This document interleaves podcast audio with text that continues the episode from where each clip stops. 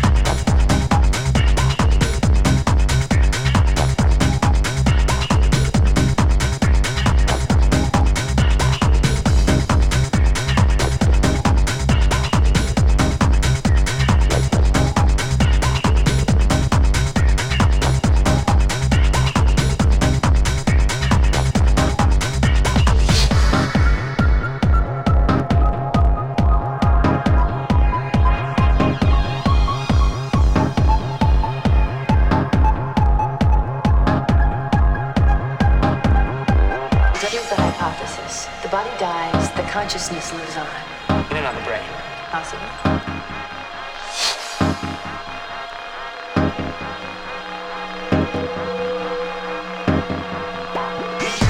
There are over 70 different computer simulations in this file. All involve identifying neural energy patterns and storing them in areas of the brain. Well, there's plenty of room. Humanoid only uses a small portion of the brain.